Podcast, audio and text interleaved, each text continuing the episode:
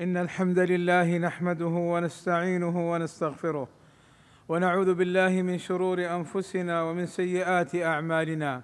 من يهده الله فلا مضل له ومن يضلل فلا هادي له. وأشهد أن لا إله إلا الله وحده لا شريك له. وأشهد أن محمدا عبده ورسوله. يا أيها الذين آمنوا اتقوا الله حق تقاته ولا تموتن إلا وأنتم مسلمون. يا أيها الذين آمنوا اتقوا الله وقولوا قولا سديدا. يصلح لكم أعمالكم ويغفر لكم ذنوبكم. ومن يطع الله ورسوله فقد فاز فوزا عظيما. إن أصدق الكلام كلام الله وخير الهدى هدى محمد صلى الله عليه وسلم وشر الأمور محدثاتها وكل محدثة بدعة وكل بدعة ضلالة وكل ضلالة في النار. أما بعد فالعلم نور فعن طريقه تستقيم أحوال الناس وتصلح حياتهم. فالعلم الشرعي وهو الممدوح في نصوص الشريعة من أفضل ما يتعلمه المسلم والمسلمة. قال صلى الله عليه وسلم من يرد الله به خيرا يفقهه في الدين أي أن من تعلم الدين وفقهه فقد أراد الله به الخير كيف لا؟ وهو يتعلم التوحيد الأساس الذي تبنى عليه الأعمال قبولا وردا. كيف لا؟ وهو يتعلم كيف يعبد الله كما أمره سبحانه وتعالى. وليخلصوا لله في تعلمهم.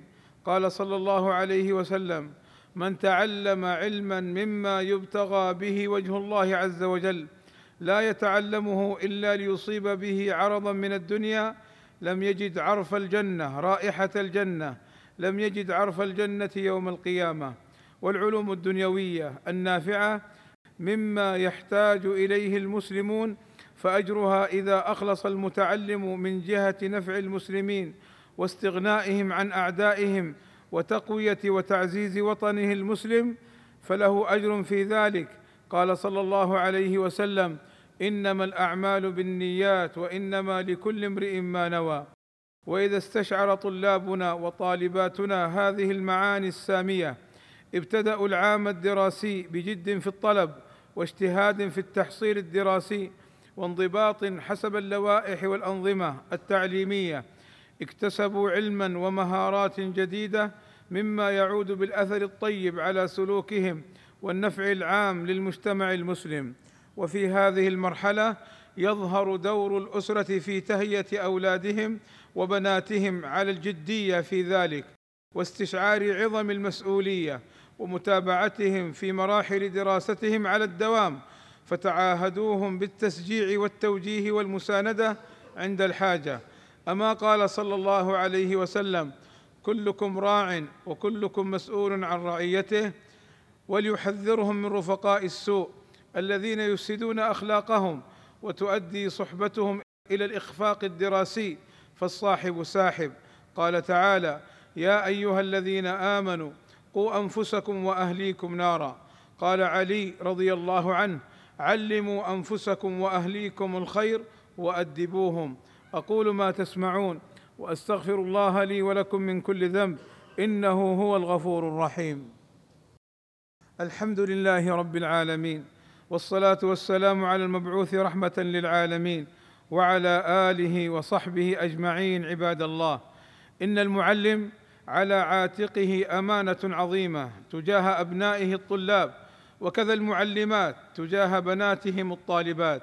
فالواجب أن يكونوا حريصين كل الحرص في تعليمهم وتأديبهم وتربيتهم التربية الصالحة النافعة وأن يكونوا قدوة لهم في أخلاقهم وفي حبهم لدينهم وأن يغرزوا فيهم القيم الأخلاقية والآداب الشرعية وحب وطنهم ومليكهم والانتماء الصادق لهذا الوطن الغالي خاصة معلمي المواد الشرعية.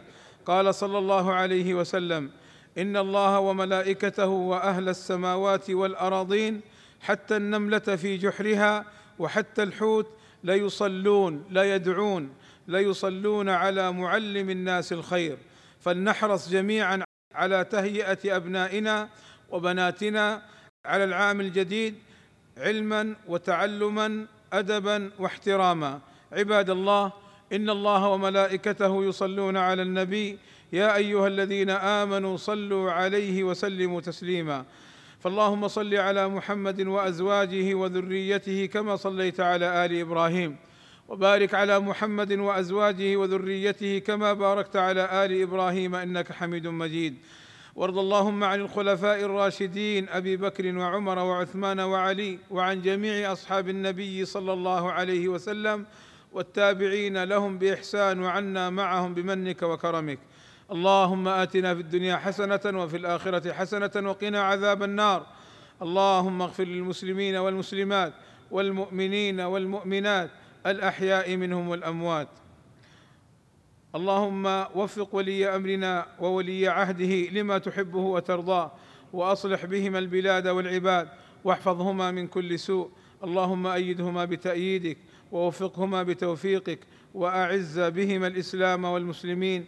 والصلاة والسلام على المبعوث رحمة للعالمين والحمد لله رب العالمين.